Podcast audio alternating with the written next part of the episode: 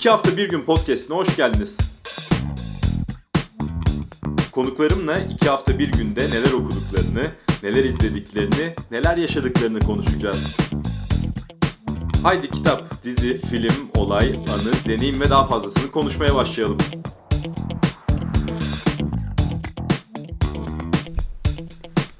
İki hafta bir günün yeni bölümünde benim yakından tanıdığım var. E, Medyaskop'tan da yakından tanıdığınız kültür ve tarih sohbetlerinin Ozan Sağ Söz'le birlikte yapımcısı, sunucusu, kültüristan olarak da tanıyor olabilirsiniz Twitter'dan. Cengiz Özdemir. Cengiz abi merhaba. Hoş merhaba, hoş bulduk. Sağ olasın. Şimdi hem yakından tanıyorum hem de o kadar yakından tanımıyorum aslında. Çünkü evet. aslında neler okuduğunu, neler izlediğini bilmiyorum. Evet. Neler okuduğumu söyleyeyim mi? Şimdi onu, öyle başlayalım ya. Okumayla başlayalım. Sen çok iyi bir e, okur olduğunu biliyorum tabii ki. Hem evet. Twitter hesabından yaptığın paylaşımlardan. O Twitter'dan seni takip edenler şu an belki gülümserler. O e, Cengiz abinin güzel yazısıyla yazdığı not defterlerinden biri de burada. Notlar da var. E, şimdi hani okurken not alan bir insan olduğunu evet. da çok iyi biliyorum. Onu da ayrıca konuşacağız ama önce son iki hafta bir günde okuduğun kitaplarla başlayalım. Neler evet. var listede? Ee, önce teşekkür edeyim çağırdığın evet. için. Böyle yabancı bir yere gelmedik yani. Do, e, dostların e, arasında güzel bir e, sohbet olur umarım. Ama bu odada ilk defa galiba evet, bizim bu podcast odaya, odamız. Evet bu podcast'i görmüştüm daha önce bir dışarıdan ama içerisi e, biraz tabii içinde olmak daha farklı bir duygu. Ya ben bu ara e, bizim tabii yayınlardan kaynaklanan e, bir her hafta bir okuma e, tempomuz var. E, en azından her hafta bir kitap okuyorum ama. Siz 160 bölümü geçtiniz. 166. bölüm bitti. Önümüzdeki hafta işte 167. bölümü yapacağız.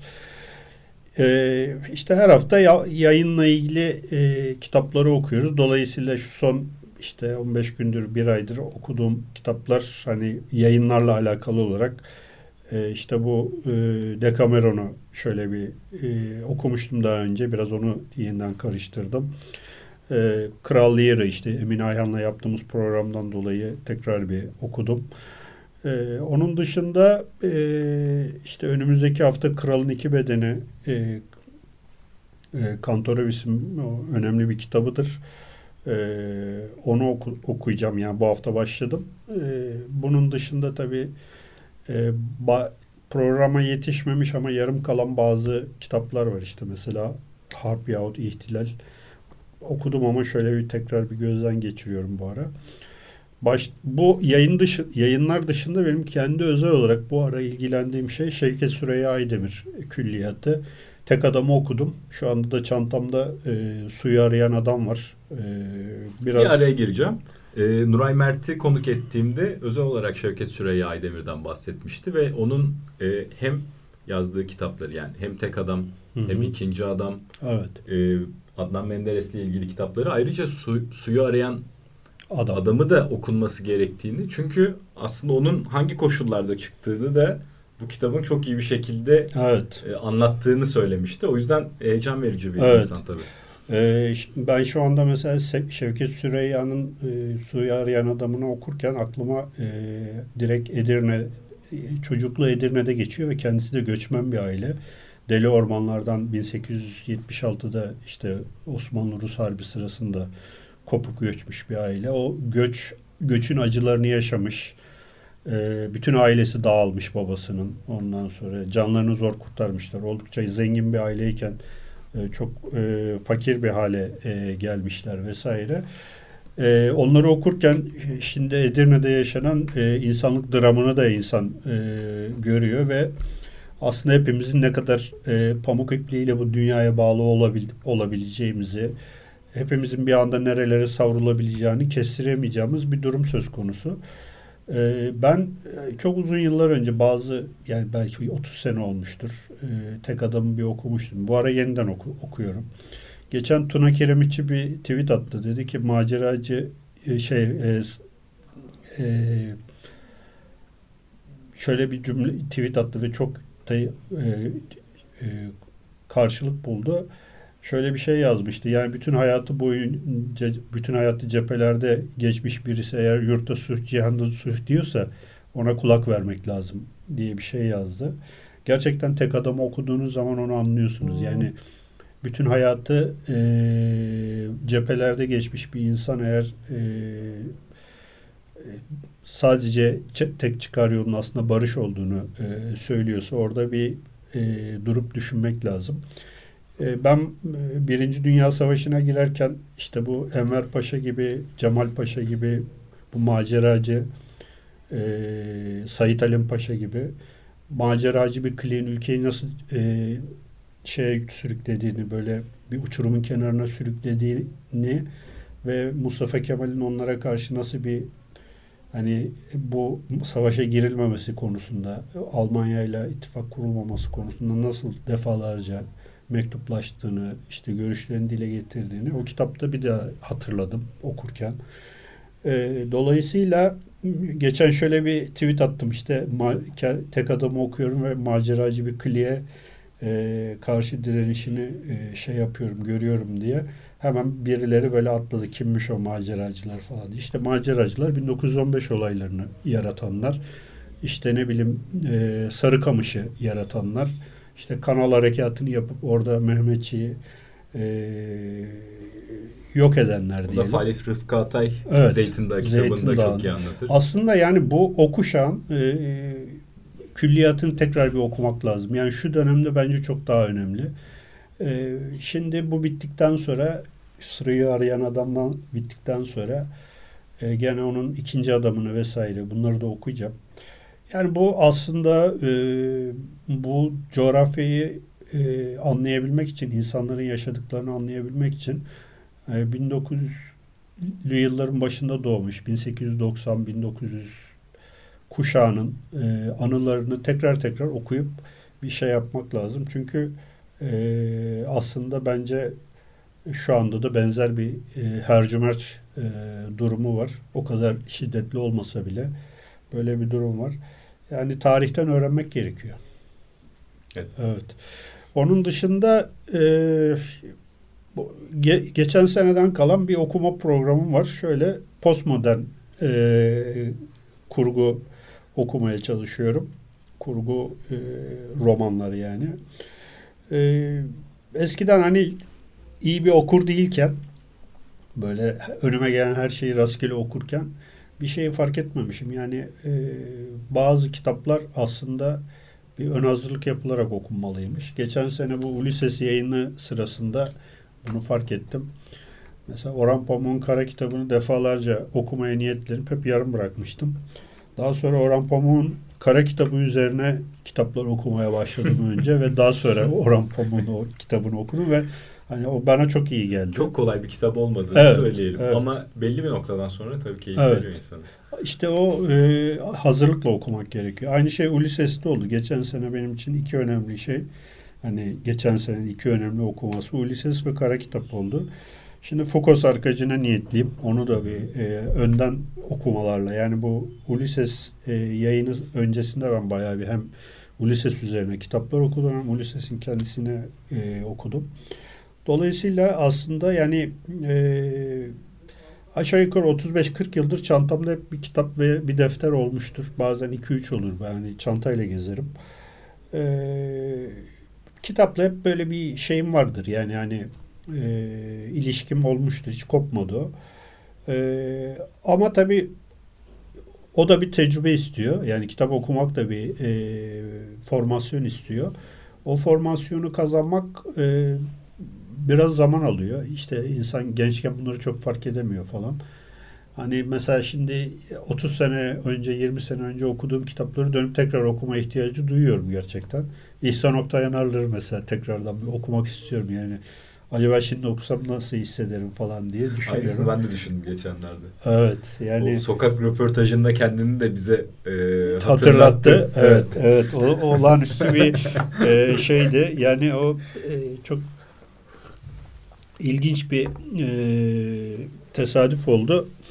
Keşke onu bir kültür tarih sohbetlerine alabilsek. Hiç davet yani. ettiniz mi? yani etmedik ama e, İstanbul'a zaten 4-5 kez gelmiş. Ulaşmak zaten çok zor. Evet. E, tam bir münzevi gibi yaşıyor kendisi. Bir efsane yani. Evet. Birkaç insan var öyle kafamızda hani Ee, bir, bir iki tanesini becerdik. Yani bayağı böyle 4-5 sene beklediğimiz insan yani 4 senedir beklediğimiz bir insanı geçen sene ismini vermeyeyim. Tamam. Hocamız yani. Hı hı. O denk gelmediği için yoksa yani kaprisinden falan değil. Ha, bazen öyle oluyor. Mesela kafamızın arkasında işte hep o oluyor. Ama hoca ancak emekli olduktan sonra hani gelebiliyor falan filan. Şimdi burada da bir araya girmek gerekir belki. Ben sizin çalışma prensibinizi de yakından Evet. e, takip ediyorum. Sizin listeniz işte bu şimdi Mart başındaysak eminim ki neredeyse Mayıs sonuna kadar zaten evet. o Birkaç ay bellidir. önden- Yani siz evet iki ay üç ay önden gidiyorsunuz Hı hı. ve hep hep aslında başından beri e, belliydi aslında bunun 166 programı bulacağı da herhalde. Çünkü hep uzun vadeliydi sizin planlarınız. Yani aslında bir plan yapmadık. Ee, yani biz mesela bu işe başlarken böyle bir yani şu kadar yayın yapacağız, bu kadar işte e, konuk çağıracağız falan gibi bir şeyle olmadı. Belki de hani ne bileyim insanın başına her şey gelir, hastalık olur, şehirden ayrılmak zorunda kalırsın, şu olur, bu olur. Hiç öyle kafamızda bir şey olmadı. Denk geldi. Ee, ama şu oldu tabii. Yani Ozan'la biz akrabayız zaten bilen bilir. Ee, ben ondan bir işte 10 yaş kadar büyüğüm. Bizim e, Ozan 20'li yaşlarındayken de hep biz görüşürdük. Hala da görüşüyoruz. Ben programın küratörlüğünü bir anlamda ona bıraktım. Ee, yani ben de zaman zaman işte şunu da çağıralım, bunu da çağıralım diye şey yapıyorum. Ee, Medyaskop kurulduğundan beri içindeyiz. Yani herhalde en eski içerik sağlayıcı Ruşen'den sonra bizizdir.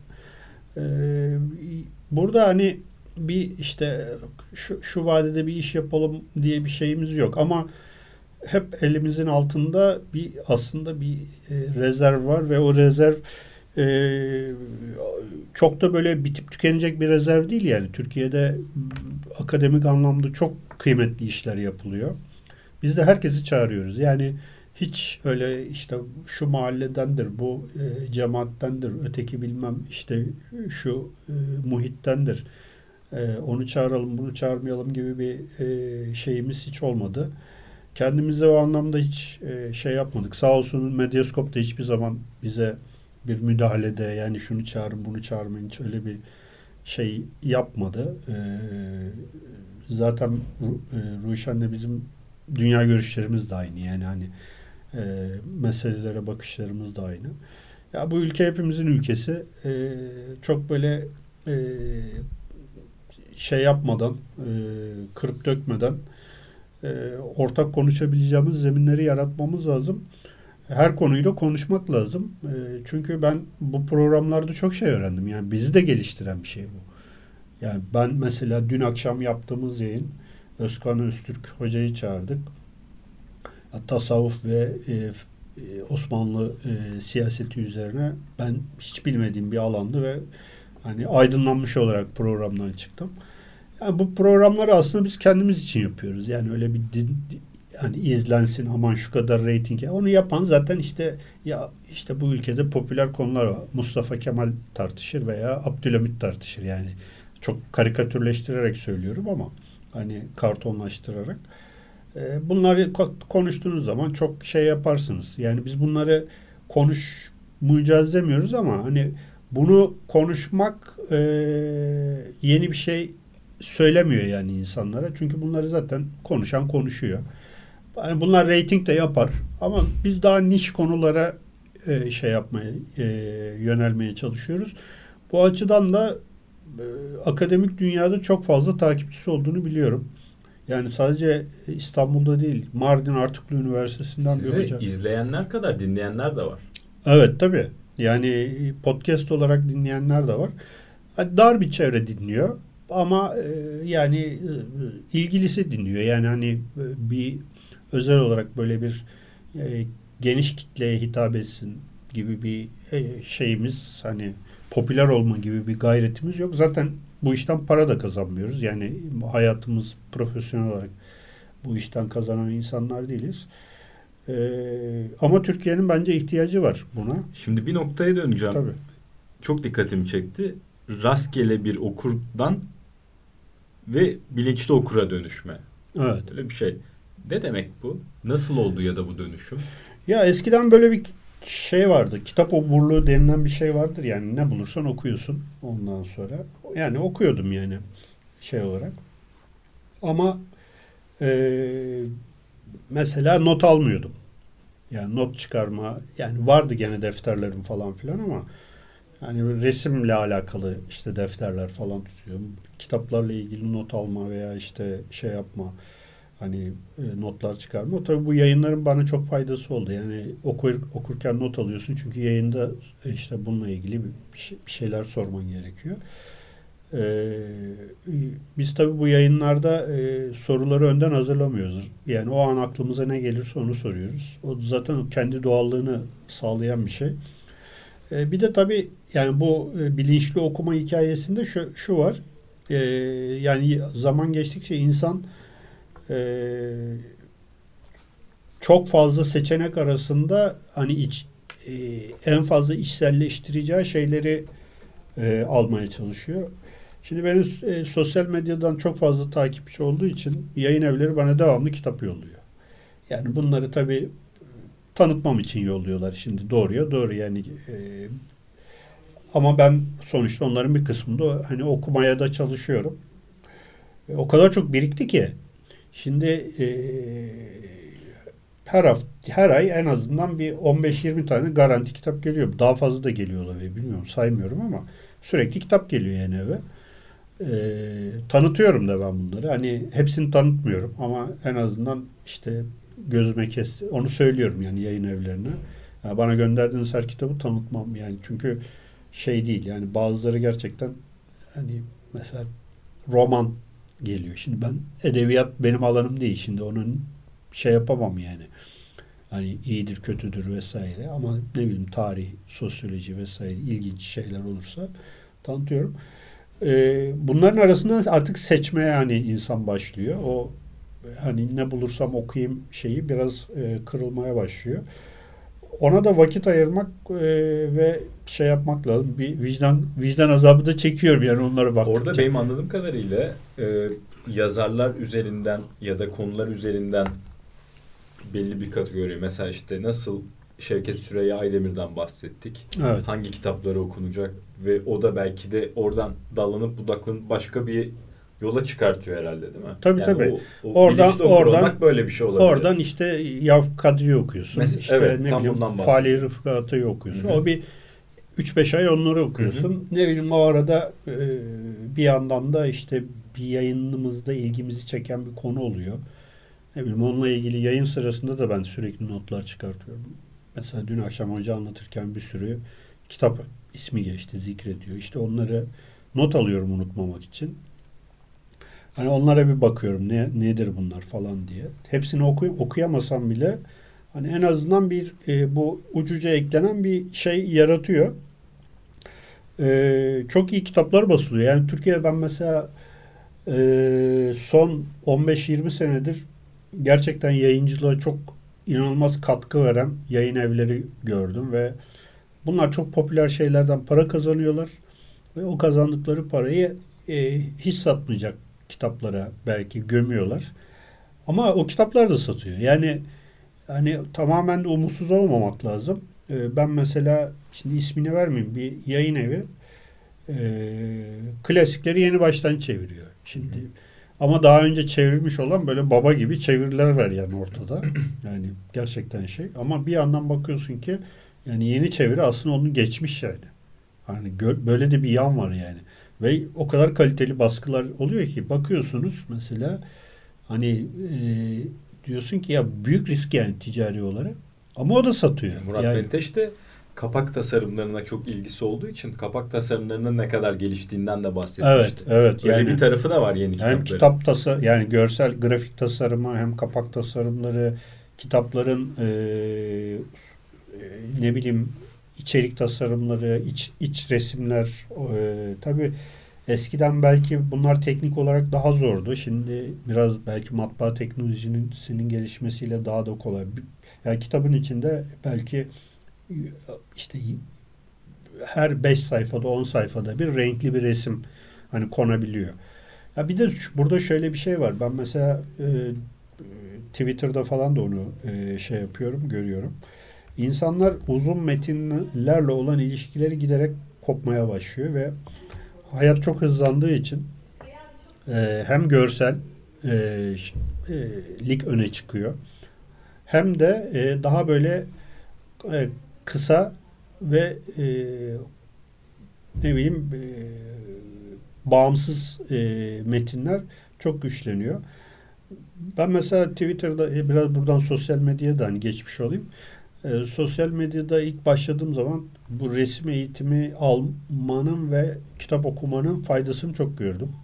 Çünkü metinle yani yazdığınız metinle ona koyduğunuz görsel arasında bir bağlantı olması lazım.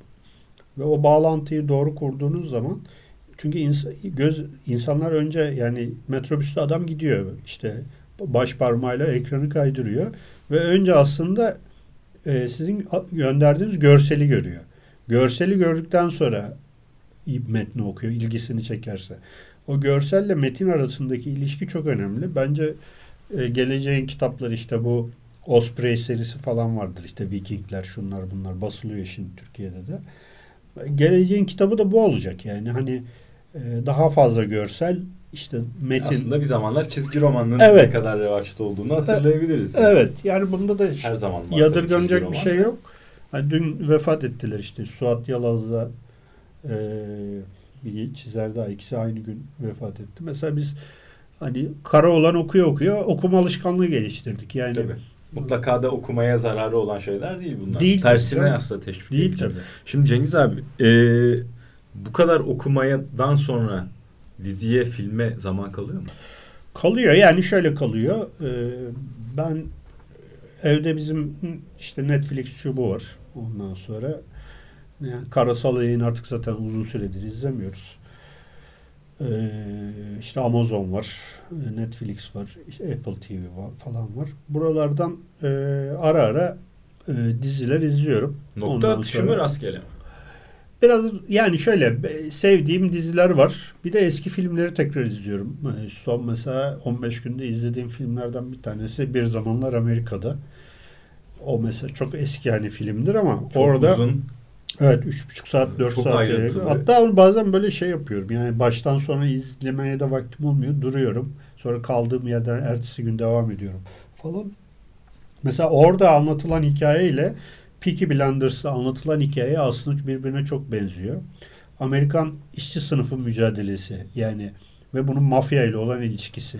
Yani Peaky Blinders'ta da işte sendikalar var. Bence muhteşem var. bir dizi bu arada. Tabii tabii Evet. çok e, sert ama işte kendi içinde bir şeyi var. Orada işte e, İngiliz istihbaratıyla bunların bilmem nesi falan filan.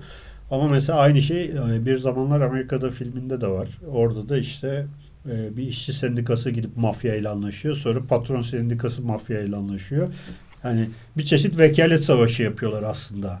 Hani kim kimi punlarına getirirse. Irishman'de de sendikanın mafyayla olan bağlantısı. İşte Irishman'de, Hoffa'da mesela Evet. o. Yani bu aslında mesela Türkiye'de bu konular e, hiç işlenmiyor ama e, yani e, aslında biraz sınıf mücadeleleri e, ne biraz e, farklı yönlerden bakabilecek e, şeyler yapmak lazım. E, filmler yapabilmek lazım. E, bunun da bence çok fazla zemini var. Mesela ben bu sabah dinledim. Ee, Sezai Sarıoğlu ile Mahir Sayın'ın sohbeti. Mesela orada çok yani 80'li 70'li yıllardaki sol hareketin işte hani ne ne halden ne hale geldiğini Mahir Sayın çok net bir şekilde şey yaptı. Ama biz mesela bunu sanata yansıtamıyoruz yani hani e, o açıdan e, bu e, şeyi e, bir zamanlar Amerika'dayı biraz o gözle hani şey yaptım. Onun dışında popüler filmleri de severim yani. İşte Terminator'ı izledim mesela. Ya Ondan onlar sonra- müthiş yapımlar. Evet. Bu kadar fazla insanın sevmesinin de bir nedeni var yani. Yaş, yaşlı e, şeyi görünce Terminator'ı görünce içim bir burkuldu yani. Ama e, güzeldi yani. E, onun dışında işte bu bir zamanlar Amerika'da yerine bir zamanlar Hollywood'da işte filmi. Hı hı. o Tarantino'nun. Tarantino'nun filmi. O onu da hem sinemada izledim hem evde bir daha gelip geçenlerde işte şeyde izledim. Ee, televizyonda izledim. Artık yani şöyle bir şey de var. e, sinemaya gitmek çok gereksiz gibi geliyor. Çünkü Gerçekten. ev, ev sinema sistemleri ondan sonra dev ekranlar şunlar bunlar var. Yani sinemaya gidiyorum ama mesela gittiğim zaman hani böyle sırf keyif için gidip VIP'den falan izliyorum ya öyle yatarak falan hani koltukta falan. Yani o o bir şey oluyor artık yani. Ayin gibi falan Evet. bir şey oluyor. Çünkü e, çok ciddi bu e, şeylerde güzel yapımlar var. Ondan sonra Platform. platformlarda. Belgeseller izliyorum aralarda. Böyle e, işte akşam yorgunsam vesaire. İşte bu İkinci Dünya Savaşı belgeselleri falan onlar e, bir de yani yeni teknolojilerle bunlar renklendiriliyor. İşte değişik kurgular falan yapılıyor. Bunlar çok bence e, şey önemli. E, işte en son mesela Salgın'ı bir daha izledim. Hı hı. O e, Consection.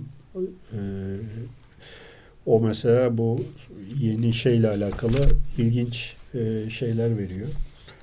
Onun dışında bu Crown'u izliyorum ara ara. Benim çok sevdiğim Evet. dizim. Onu izliyorum. Geçen eee şey bahsetti. Eee Emrah Sefa bu İngiliz polisiyeleri. İşte Bodyguard, Marshall'la falan. Ondan sonra Broadchurch diye bir şey var. Bu Doktor Wood'u oynayan eee, adamın işte dedektif olduğu bir şey. Eee, İngiliz polisiyelerinin ilginç bir eee, gücü var bence. Eee, yani e, ta Karındeşen Jack'ten, Jack'ten beri böyle bir e, onlarda e, polisiye şeyi var ve hani Ahmet Ümit şey der hani e, sınıf mücadelesinin güçlü olduğu yerde e, şey olur hani polisi olur. O yüzden hani en güçlü neredeyse oradan başlamıştır ve dünyaya o şekilde yayılmıştır falan filan gibi bir şey var ki bence çok doğru.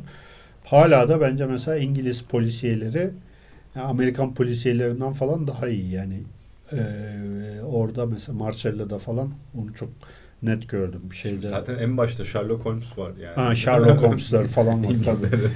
O e, dış e, ve şey Pet, Peter Bra- Peder Brown e, şeyi. Biz onunla ilgili mesela bir yayın yaptık.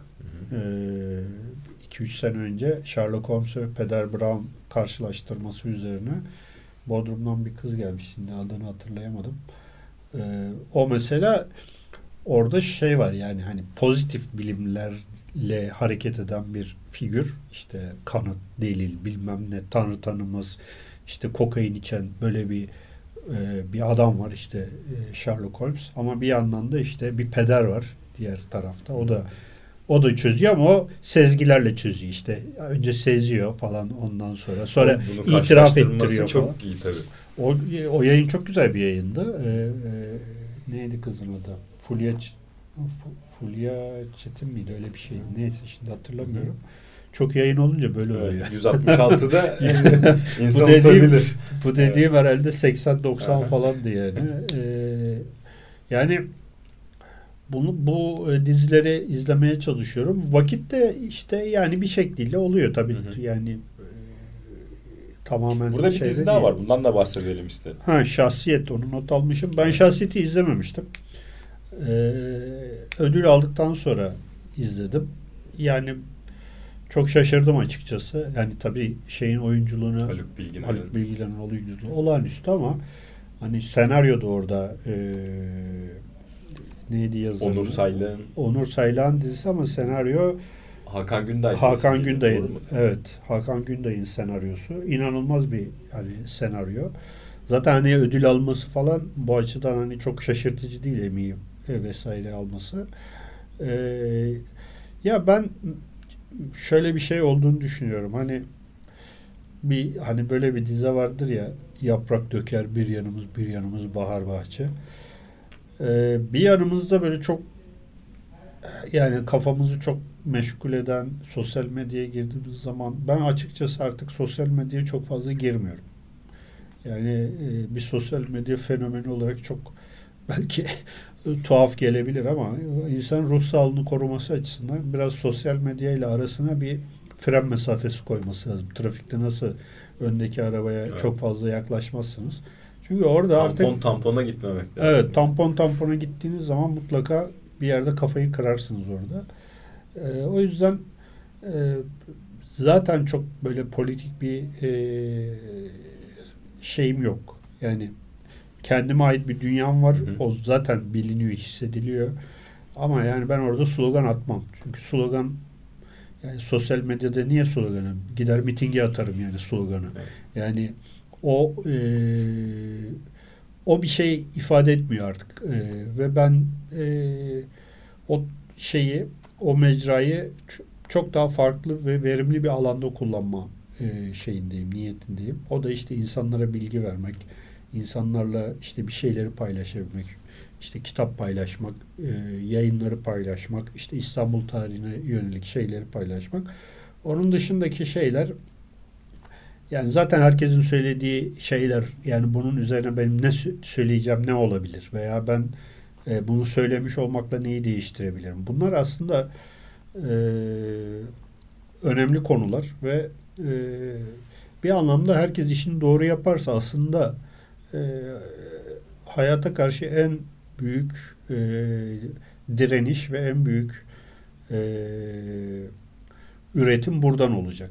O açıdan mesela bizim işte bu dizilerdeki başarımız ondan sonra bu entelektüel hayatımızdaki yeni sıçramalar işte bu üretimler sadece yani sanatta edebiyatta değil bilimsel alanda da yani bizim mesela yayınların yüzde onu falan yurt dışından gelen akademisyenlerle yaptığımız. Ya Amerika'da zibil gibi Türk akademisyen var. Burada kimsenin haberi yok bu insanlardan.